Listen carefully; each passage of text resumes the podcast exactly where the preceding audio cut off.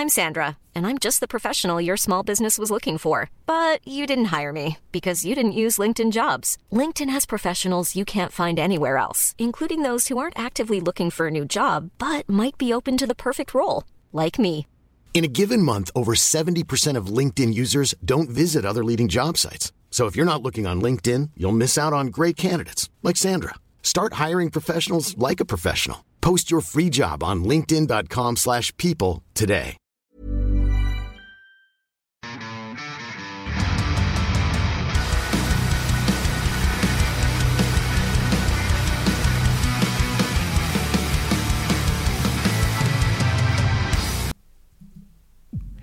Välkommen till Skräckbokscirkeln.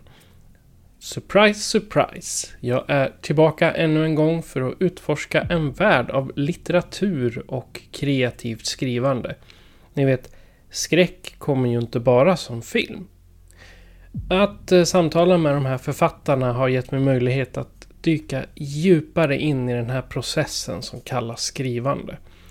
Jag har lärt mig mera om inspirationskällor och hur de används för att forma berättelser och framförallt en inblick i de tankarna som driver historieskrivandet. Idag kommer vi få höra om några ögonblick som förändrade synen på skrivande och utmaningar man möter längs vägen när man ska skriva en bok. Jag har suttit ner med en väldigt allsidig författare som gav mig en blick in i arbetet. Alltså att få transporteras till en främmande sida av Sverige. Dagens avsnitt är eh, Marcus Sköld som är gäst. Och jag hittade honom när jag satt och bläddrade på Nextory bara för att få någon ny bok att läsa. Marcus kommer berätta lite om eh, bakom kulisserna till böckerna han har skrivit och om temana, var han fick dem ifrån. Vem vet, vi kanske till och med får höra lite om vad vi kan förvänta oss i framtiden. Så luta er tillbaka, koppla av och så dyker vi in i en värld av ord och idéer tillsammans med mig och Marcus. Det här kommer bli en intervju som vi inte glömmer i första taget. Då så. Då kan du få berätta vad du heter, var du kommer ifrån och eh, vad du har för utbildning. Ja, eh, jag heter Marcus Sköld och eh, jag kommer från ett litet samhälle i Gästrikland som heter Hofors, ligger mittemellan Gävle och Falun.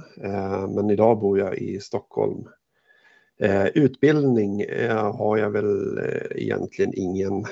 Jag började väl Eh, jag började jobba ganska direkt efter gymnasiet och jobbade med, med internet och sådana saker. Eh, och sen så, ja, så småningom så kom jag väl på att, att det var, eh, skriva var någonting som jag ville, ville ägna mig åt, åt mer och då, då kom jag liksom in på det. Okej. Okay. Gör du något mer än att bara skriva böcker och noveller? Jag har sett lite varierande från dig. Ja, nej men precis. Det är ju eh, jag, eh, sen ett par år tillbaka nu så jobbar jag som datorspelsmanusförfattare. Så att jag eh, jobbar på en datorstudio, datorspelstudio och, och ja, men skriver, skriver berättelser, skriver karaktärsbakgrunder, dialog och, och så vidare som, som används i, i spel sen då. Så det, det är jätteroligt. Det är liksom en, verkligen en, en, en dröm som går upp uppfyllelse på något sätt att få faktiskt kunna leva på, på att skriva och, och hitta på historier och, och sådana saker. Så det är riktigt roligt. Okej, okay. är det några spel man eh, känner igen som du har skrivit till? Eh, jag, har ett, jag har varit med och jobbat på ett spel som heter Payday 3 som kommer nu. 21 eh, september släpps det.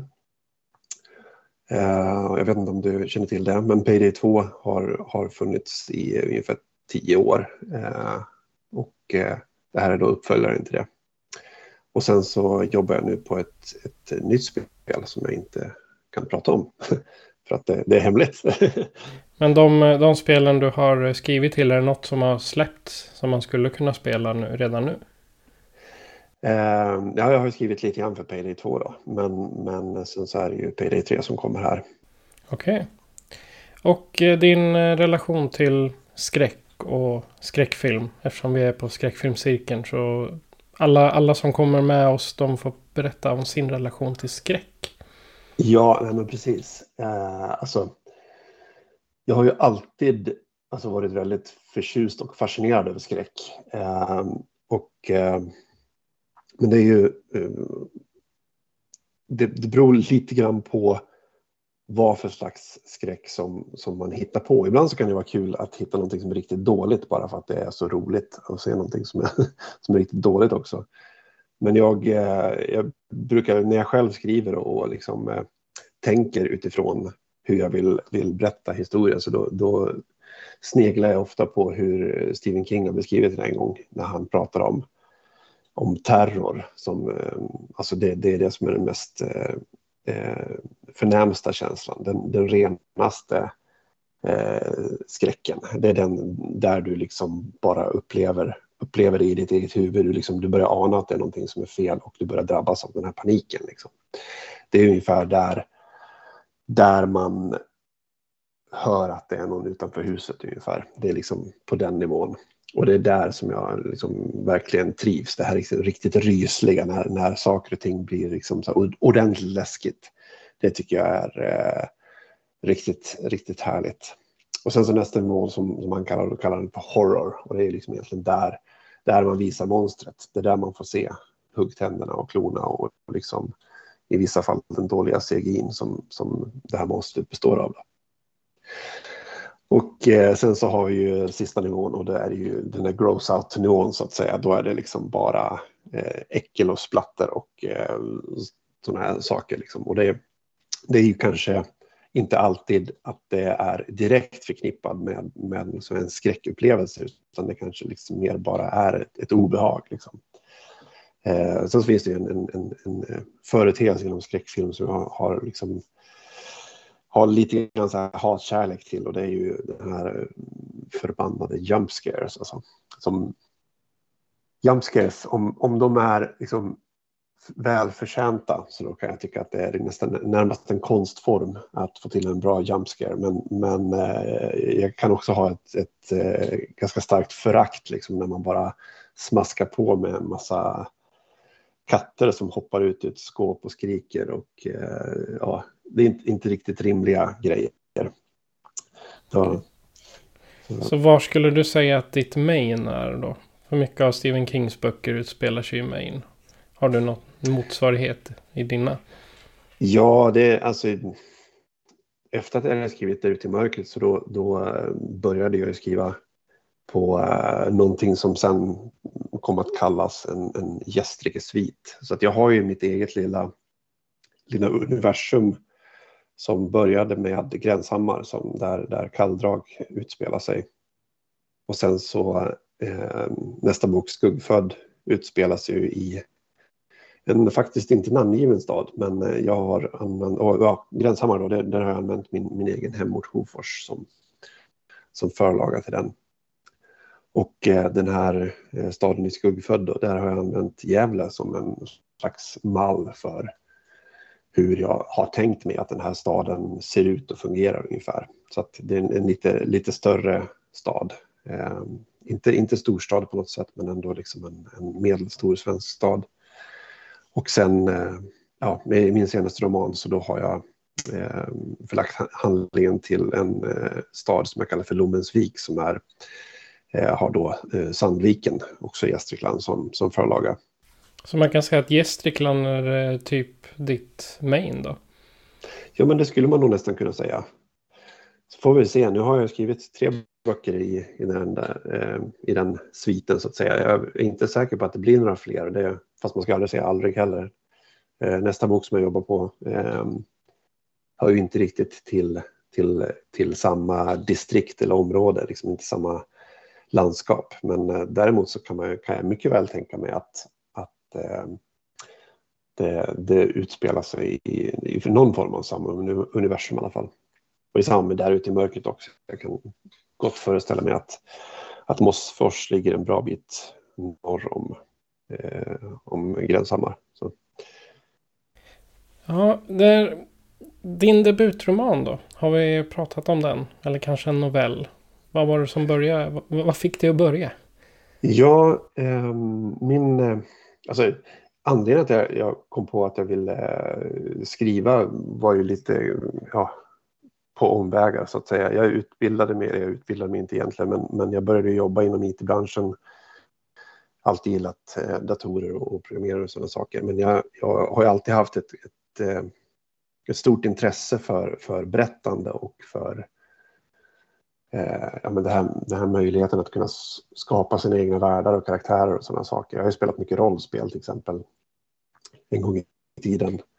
Och eh, alltid tyckt att det är otroligt fascinerande. Men, men sen så var det ju de här eh, uppsatserna som man skulle skriva i skolan som, är, som eh, jag tyckte var ren plåga. Jag hade ju som problem att få ihop ens ett halvt A4-sida. Så det här liksom bara tanken på att, att jag skulle kunna ägna mig åt det här som någon form av, av yrke eller så, det var, fanns ju inte på kartan överhuvudtaget.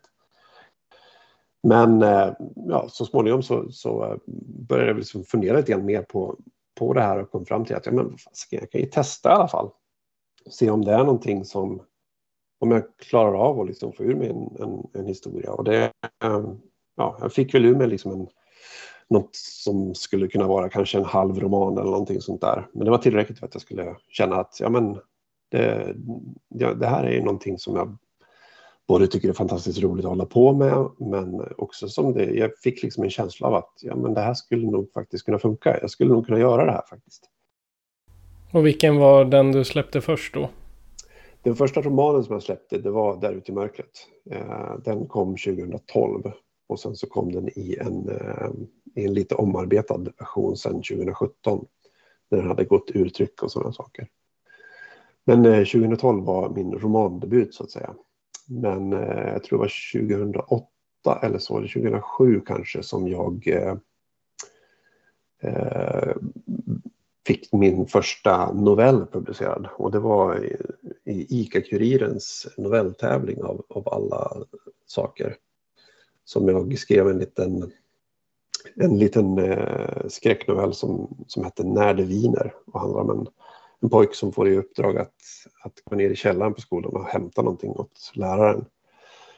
Och eh, han är väldigt rädd inför det här, det här uppdraget för att eh, de äldre eleverna på skolan har ju berättat spökhistorier om den här elaka vaktmästaren som påstås spöka i källaren då, så att säga.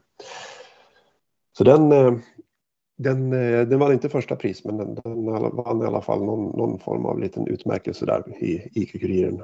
eh, så det var ju det första jag publicerade. Då. Och sen så eh, började jag skriva fler noveller samtidigt som jag skrev, skrev på eh, Där ute i mörkret.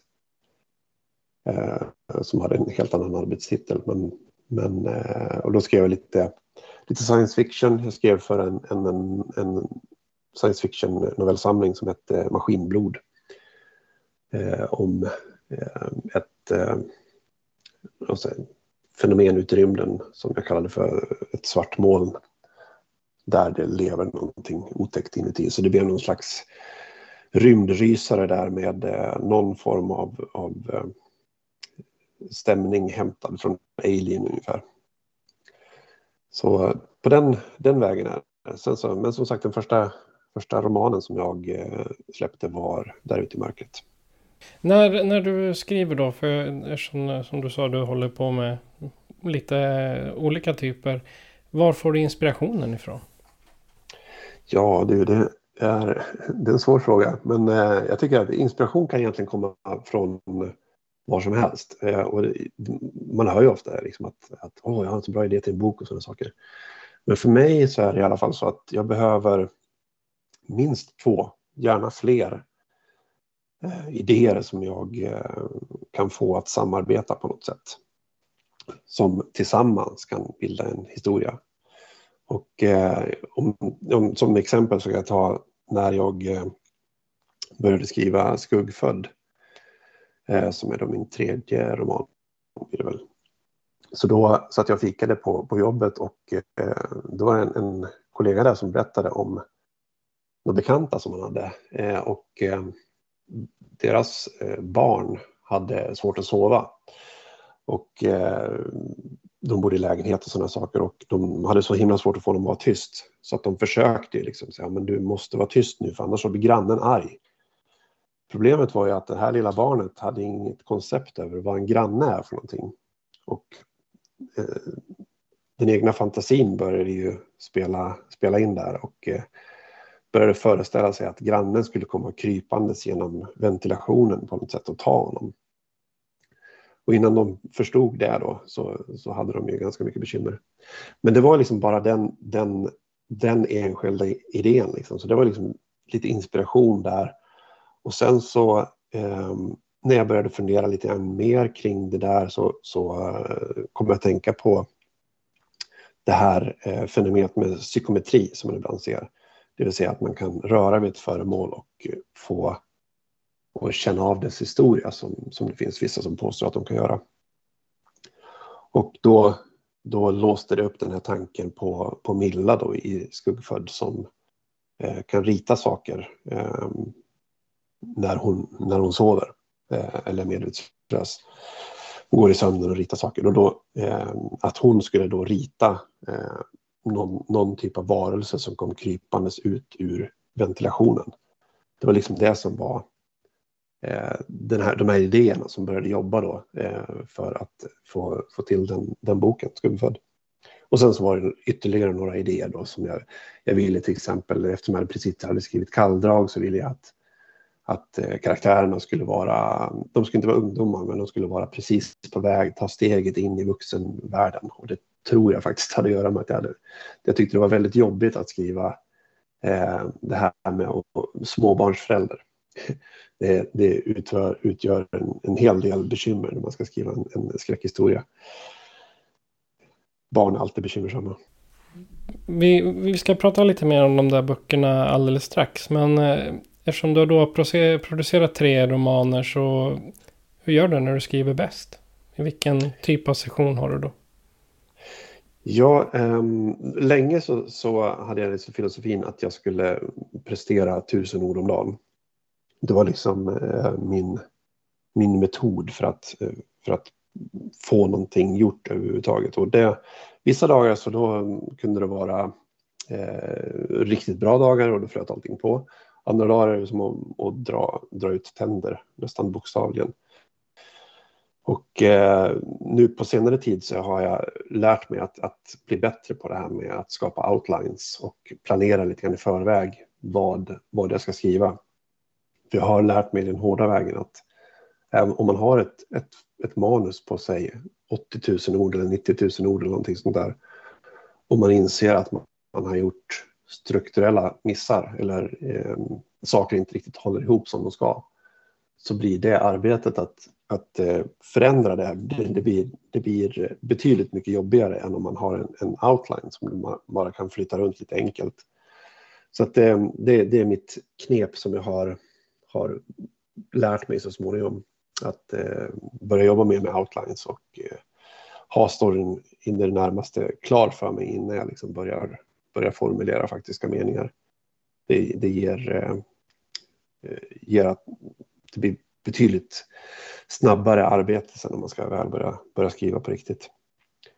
För länge så tänkte jag att jag ville inte göra på det sättet för att då kändes det som att jag eh, tappade intresset för, för själva berättelsen. Om, om jag redan visste vart, vart det skulle sluta på något sätt så eh, hade jag liksom inget intresse för att, för att fortsätta jobba med den. Men, men jag tycker att jag har, jag har ändrat mig på den, den punkten. Jag har liksom blivit mer mer strukturerad och, och, och, tycker nu att det är faktiskt ganska roligt att, att sitta och pussla ihop den här berättelsen och sen liksom börja måla med bred pensel om man säger så.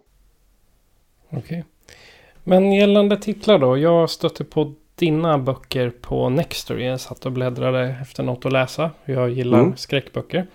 Ja. Och jag hamnade på Där ute i mörkret först. Din, eh, din, din första roman då. Och den är ju verkligen ute i mörkret, det vill säga ute på landet. Men har du, har du någon backstory till den? Har du, vad har du baserat den på? Och framförallt karaktärerna, för det är väldigt... Det, det var vad som fångade mig, alla, allt karaktärsdrama. ja, det var roligt att höra. Eh, nej, men den, den, eh, den idén kom till därför att, att det var bokstavligen så att jag skrev den boken som jag själv ville läsa. För jag, eh, jag tyckte att jag kunde inte hitta några, eh, några bra, framförallt inga bra böcker om, om varulvar Eh, och läsa och, inte, och definitivt inte varulvar på det sättet som jag ville läsa om dem. Mycket varulvslitteratur handlar ju om den här eh, skräcken, den, den, den, psykologiska skräcken när huvudpersonen själv har blivit biten och den här rädslan för att förlora, förlora sig själv och sådana saker. Medan jag ville ha eh, en jag ville ha en, en Dog Soldiers, jag ville ha en Howling, liksom. jag ville ha liksom, eh, där folk, där huvudpersonerna inte är varulvar utan de, eh, de är jagade av varulvar. Det var liksom den, den historien som jag ville berätta. Eh, och eh, det var därifrån det föddes och då började jag tänka liksom, så, ja, men, eh, ja, det är trevligt att sätta den i Sverige, jag bor i Sverige, jag kan ju Sverige bäst. Och eh, kom då på den här, jag ritade kartor till och med över den lilla byn, helt fiktiv by som heter Mossfors. Och sen så måste jag ju ha någon folk som, som måste hamna där av någon anledning. Och det blir ju alltid bättre, en bättre historia om eh, man inte bara eh, det, det, är inte bara en främmande miljö på ett sätt, det vill säga stockholmare som är ute i djupvatten och, och liksom eh, kanske inte är fullt utrustade att klara av vildmarken.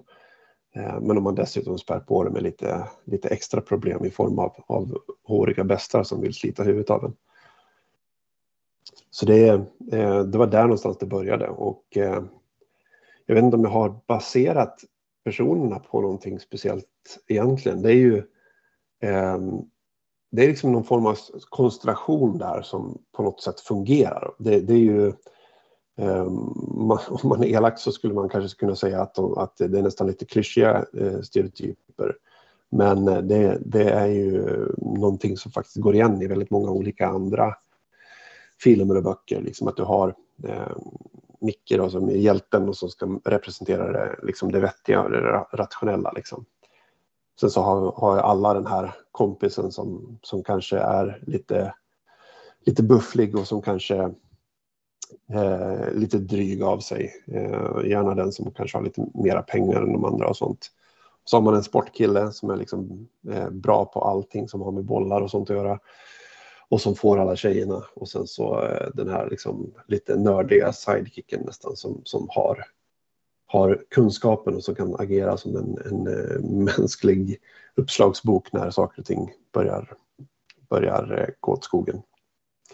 Och sen så hade jag, jag hade ju väldigt mycket roligt med, med att utveckla Angelica. Men det är ju, alltså det är ju det är mer än, än tio år sedan jag skrev det här så att jag har ju inte riktigt det här i färskt minne. Men, men jag vet att jag kommer ihåg att det, eh, jag var ganska nöjd med, med eh, Angelicas motivation till varför hon åtminstone behöver försöka hålla upp eh, humöret på de här, även om hon börjar misstänka att saker och ting inte riktigt är, är som de ska där uppe i den här lilla byn. Eh, I och med att hon precis har startat den här firman och eh, hon har helt enkelt inte råd eh, att det ska gå åt pipsvängen för dem. När, när jag kom läste om Mossfors, det, det, första jag gjorde innan jag kontaktade dig var ju att jag googlade Mossfors. Jag tänkte det finns inget som heter det. Och jag hade inte fattat att det var ett, ett fiktivt samhälle. Ja. Och då när jag läste boken så fick jag mer och mer tänka på, det finns ett samhälle i Dalarna, som, eller samhälle, en by som heter Sifferbo. Och där ja. tänkte jag mig exakt in i dina, dina karaktärer och platsen. Så jag hade en, en väldigt bra visualisering och det var väldigt bra beskrivet framför allt. Ja, kul. Ja, men det är alltid bättre om man kan, liksom, man, man kan, se, kan se det framför sig. Eh, det blir lite, lite mer levande då. Men det är ju jätteroligt att du... Då måste jag nästan åka dit vid något tillfälle. Okej. Okay. Eh, då... Jag, det här är ingenting som jag hade med i frågorna jag skickade i förväg till dig. Men eh, jag vet att du har haft en novell i Creepypodden också. Ja, precis. Var fick du Beck-Anders stuga ifrån? Ja, um, jag vet inte om du har sett en, det finns en bild som, som jag skickade med till, till Jack när jag, när jag skickade in den novellen.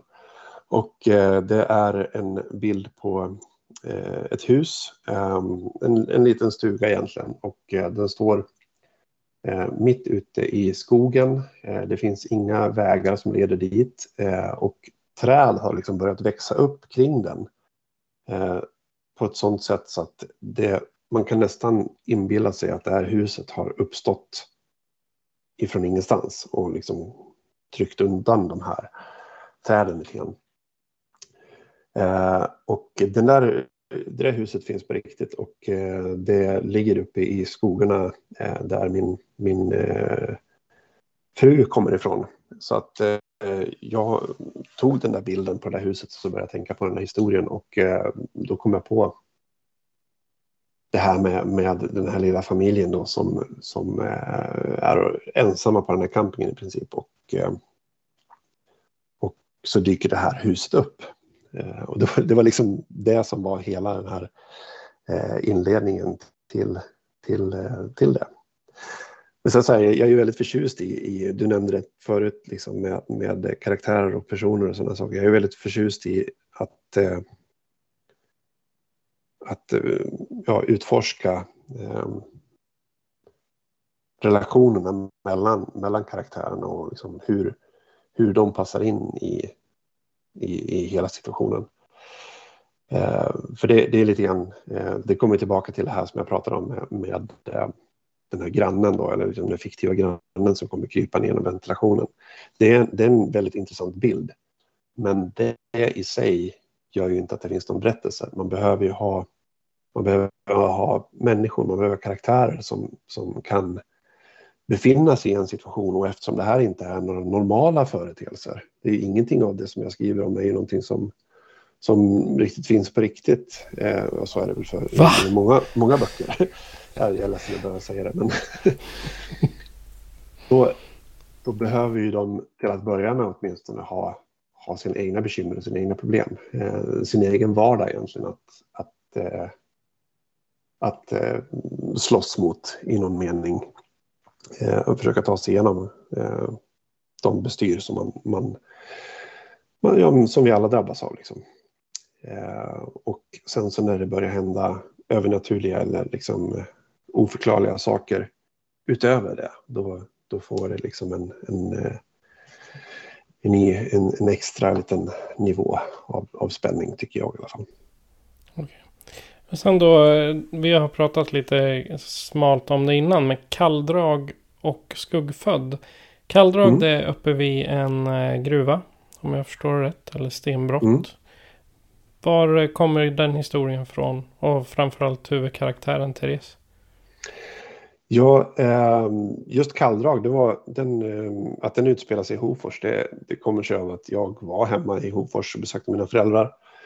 Ehm, och eh, så körde jag igenom, genom samhället där och så, så fick jag syn på, på en sån här direktörsvilla. Det, det finns ju ett, ett stålverk i Hofors.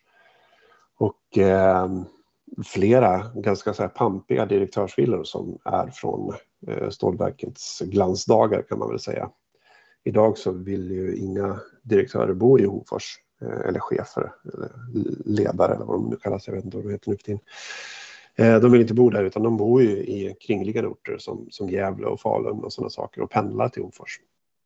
Vilket innebär att det är många av de här riktiga, mm, det är sådana här grosshandlarvillor nästan, de är ju enorma och eh, väldigt tjusiga, byggda för att kunna ha bjudningar och sådana saker.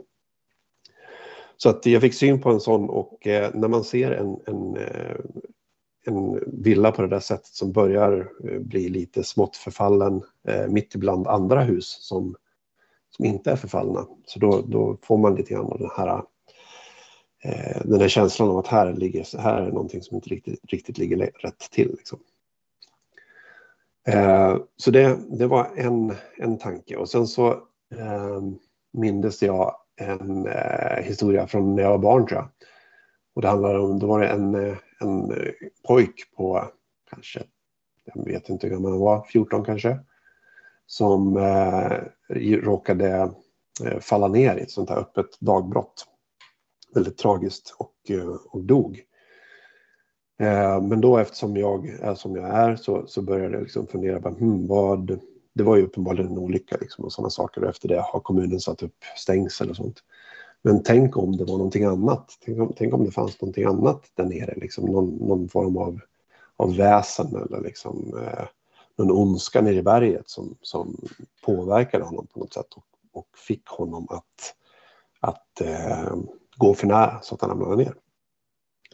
Så det var de här två, två historierna som, jag, som började bli startskottet till, eh, till det som skulle bli kalldrag. Då. Och då tänkte jag liksom, nästan på en gång så tänkte jag att ja men återigen en Stockholmsfamilj som flyttat till, till den här lilla bruksorten. Och eh, jag vet ju själv hur, hur, eh, hur, hur, det kan vara liksom. Eh, om man kommer från ett ställe och sen så flyttar man till en plats där alla känner alla. Eh, alla har koll på alla andra. Eh, den, den känslan som man kan få i sig då av att man känner sig konstant övervakad och eh, någon i mataffären som kommenterar kring någonting som man inte hade en aning om eh, att någon annan hade koll på. Liksom. Eh, och eh, det var därför som jag ville ha den här Stockholmsfamiljen där, liksom, för att skapa det här extra lite. Å, återigen på, på, på sätt och vis samma tema som i, i Där ute i mörkret. Va? Att man har, man har människor som kommer till en plats där de inte riktigt känner sig känner sig hemma och eh, sen så börjar det hända andra saker också.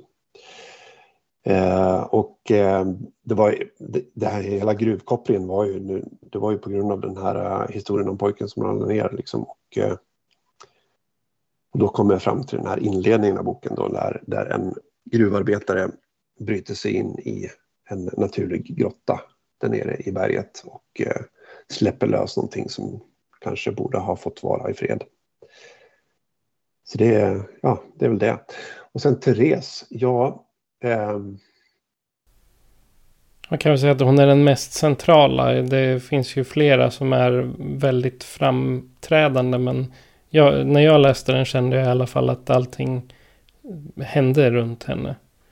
Ja, nej men verkligen. Hon är ju huvud, den, den eh, huvudpersonen i den berättelsen definitivt.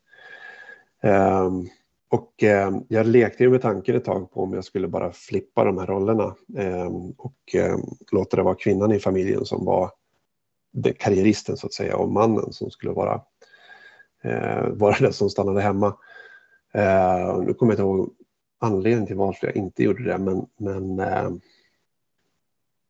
det, ja, jag kom, det kändes helt enkelt bättre på något sätt att, att ha Therese i den här rollen. Eh, och eh, jag kunde liksom känna med henne, för på den tiden jag jobbade ju med, med saker som jag visserligen kunde men, men eh, som jag inte var speciellt intresserad av egentligen. Eh, och hela den här känslan av att, att eh, behöva gå till ett jobb och göra någonting och känna att jag skulle hellre vilja göra någonting annat. Det, det, det kan vara lite jobbigt. men det är ju så, så för många, tänker jag. man, man kan säga att Therese är lite som, som du var innan du började skriva ordentligt. Ja, kan det man kan säga man säga. Ja. Mm. Men om då får chansen att eh, eh, nej men, ta fem år, ta eh, fem år, var hemma med, med, med barnet och eh, eh finn dig själv egentligen. Kom på vad, vad du vill hålla på med. Liksom. Eh, så det är det som är hennes, hennes motivation till varför hon, hon ger upp sin karriär för att hennes make John då ska, ska få ta sig an det här. Eh, den här klivet upp på hans karriärstege.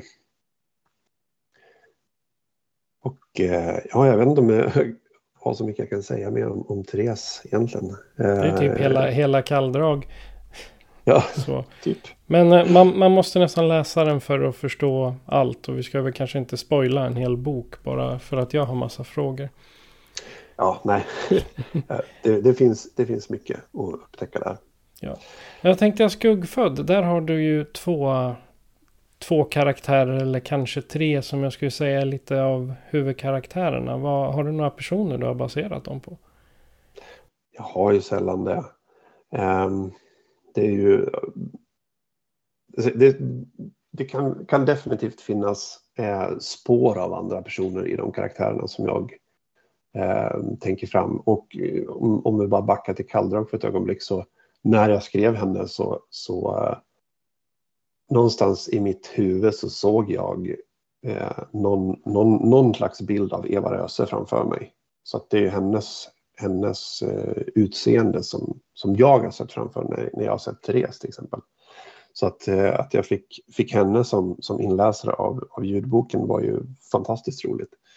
Det trodde jag aldrig att det skulle kunna hända när, när jag skrev den faktiskt. Men så Hon gör jag... det väldigt bra också. Ja, jag är otroligt nöjd med, med, med hennes, hennes inläsning där. Det var fantastiskt roligt. Ehm, så det, det, är väl så, men där slutar ju egentligen likheterna. Jag har inte baserat Therese på Eva i något annat avseende än egentligen hennes, liksom, hennes hårsvall kan man säga. Det, det är hennes hår jag har sett framför mig. Om, om det låter så här lagom knäppt, men det, det är så det är i alla fall. Men eh, vad var vi? Vi var i, eh, i Skuggfödd, precis.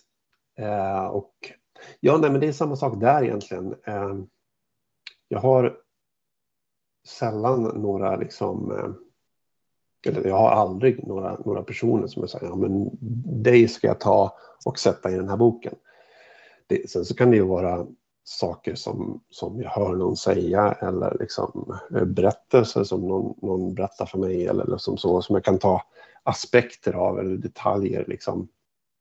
Eh, så är det ju både säkert medvetet och omedvetet när man, när man, när man jobbar fram sådana här karaktärer. Men det huvudsakligen så handlar det om att eh, ge dem en en roll som, som passar in i den typen av, av berättelse som, som, man, som jag vill berätta. Och sen så när karaktärerna väl har fått liv, och det här låter som världens klyscha, men det är faktiskt sant. När de har när man har liksom fått reda på tillräckligt mycket om dem och man vet vad vad har de för, för rädslor? Eh, vad, vad har de för, för för uppfattningar om världen? Vad, vad, tror, vad tror de att, att livet går ut på? Eh, vad har de fel om? Vad, eh, hur ser deras dagliga rutin ut? Det är massvis med sådana här frågor som, som jag som sitter och klurar på med karaktärerna för att liksom få dem eh, till riktiga människor. Och sen så sätter man dem i situationer och ser hur hur agerar de i den här situationen? Vad händer? Eh, på vilket sätt eh, angriper de de här eh, situationerna som, som de blir utsatta för? Så det är ju, sen att det var, att det var tre huvudpersoner kan man väl säga i, i Skuggfödd.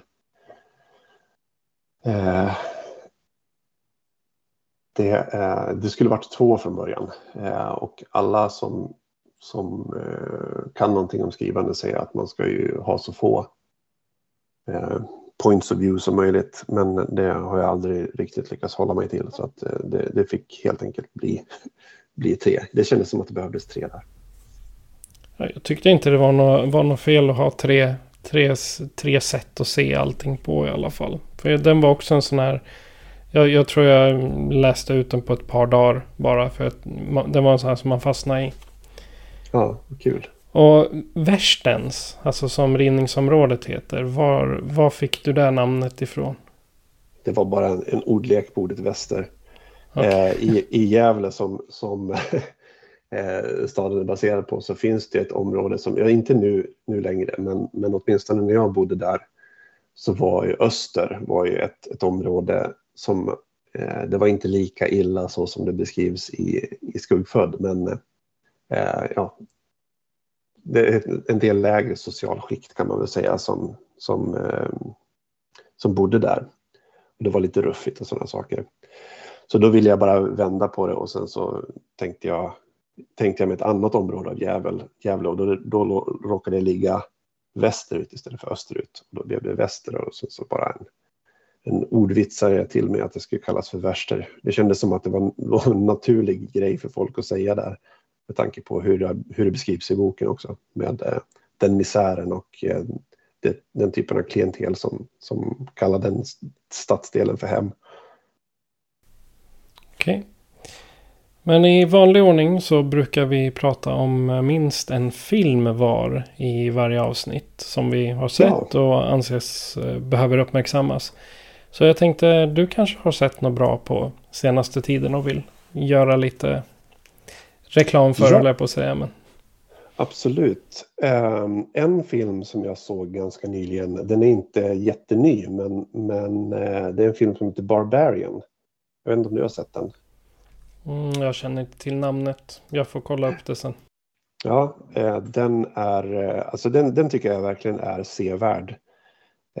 och um, den, den börjar helt enkelt med att det är en kvinna som eh, det är mitt i natten, det spöregnar och hon kommer till en främmande stad där hon är för att hon ska på en arbetsintervju dagen efter. Och hon har hyrt ett, eh, ett hus på Airbnb. Och när hon kommer fram till det här huset då eh, och öppnar det här kodlåset för att få, få till nyckeln eh, så eh, är inte nyckeln där. Och sen så ser hon att det tänds en lampa i fönstret och sen så är det en man som öppnar som spelas av Bill Skarsgård. Mm. Eh, ja, men då vet och, jag vilken film du menar. Ja, den, eh, bara det upplägget tycker jag är, är väldigt in, ett väldigt intressant upplägg till att börja med. Men sen så tar den här filmen en på eh, en resa sen som lite svårt att förutsäga faktiskt. Så det, det, är en, en varm rekommendation eh, om man inte har sett Barbarian. Ja, ja men det, det håller jag med om faktiskt. Den är riktigt eh, skrämmande. Och ja. den, den har eh, drag utav eh, din bok Kalldrag också faktiskt. Så de måste ha läst den först innan de gjorde den. Ja, precis. Ja. kanske kan stämma dem. Exakt. ja. Men jag tänkte, har du något du vill göra lite reklam för? Lite hemsidor, sociala medier eller kommande arbeten? Eh, vi har inte pratat så mycket om det, men jag har ju en, eh, en, eh, min fjärde roman som faktiskt är ute redan. Eh, och den heter Folktomt. Eh, jag nämnde den lite, lite grann tidigare. Det är också en, en del av den här Gästrike-sviten och är baserad på Sandviken som sagt. Och eh, den handlar om eh, en journalist Ehm, som, ehm, som bor i Stockholm. Och hon får ett tips om att eh, helt plötsligt så har man har tappat kontakten med eh, den här lilla staden då, Lommensvik i södra Norrland. Och eh, det är en, en fruktansvärd snöstorm som, som, eh, som rasar. Eh, och, eh, men hon tänker ändå att jag ska, eh, jag ska ta mig dit på något sätt. Jag hyr en snöskoter eller någonting och sen så kan jag komma dit och vara först på plats och eh, intervjua folk om hur, eh, hur, det, hur de upplever det och hur klarar de sig och liksom hur, hur går det här egentligen. Eh, så att hon, hon släpper med sig en, en kameraman och så åker de dit. Och när de kommer fram till den här staden eh, Eh, så upptäcker de att det finns inte en enda levande människa kvar. Eh, hela staden är, är öde. De möts av eh, obäddade sängar, halvdruckna kaffekoppar och eh, utbrunna cigaretter på askkoppskanter. Eh, så att det verkar som att folk har bara försvunnit på ett ögonblick. Inga kroppar, inget blod, eh, ingenting. Folk har bara försvunnit. Så det är eh, min senaste bok som är ja, eh, också skräck naturligtvis. Och eh, Folktomt heter den. Eh, den finns att köpa hos välsorterade bokhandlare och på internet och eh, den finns också som ljudbok på, just nu så finns den så vitt jag vet bara på Storytel men eh, den kommer till, till andra ljudbokstjänster också. Okej. Okay. Du har en hemsida också, ska vi säga, markussköld.se. Allt det här kommer finnas länkat i beskrivningen till det här avsnittet. Precis, och sen så har jag, ja, eh, jag finns på, på Instagram eh, också, även om jag är väldigt dålig på att upp, uppdatera mina sociala medier. Men ja, jag finns där. Ja, perfekt.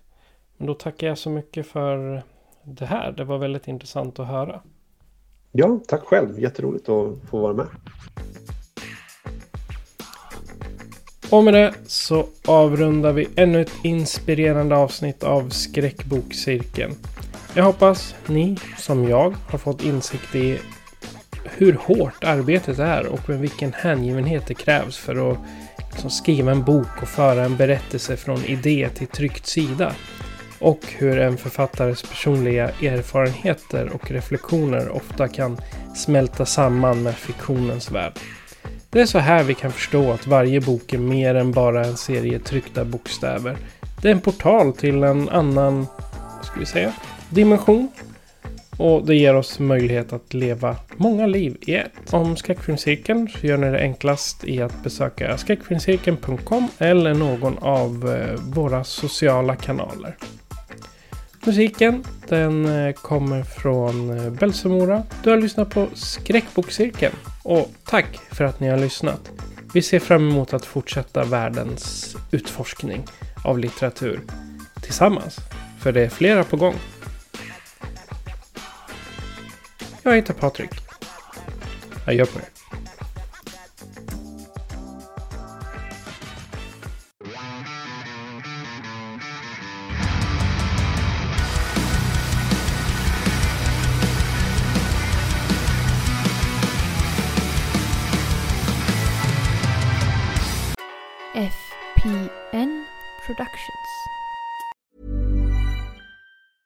Planning for your next trip?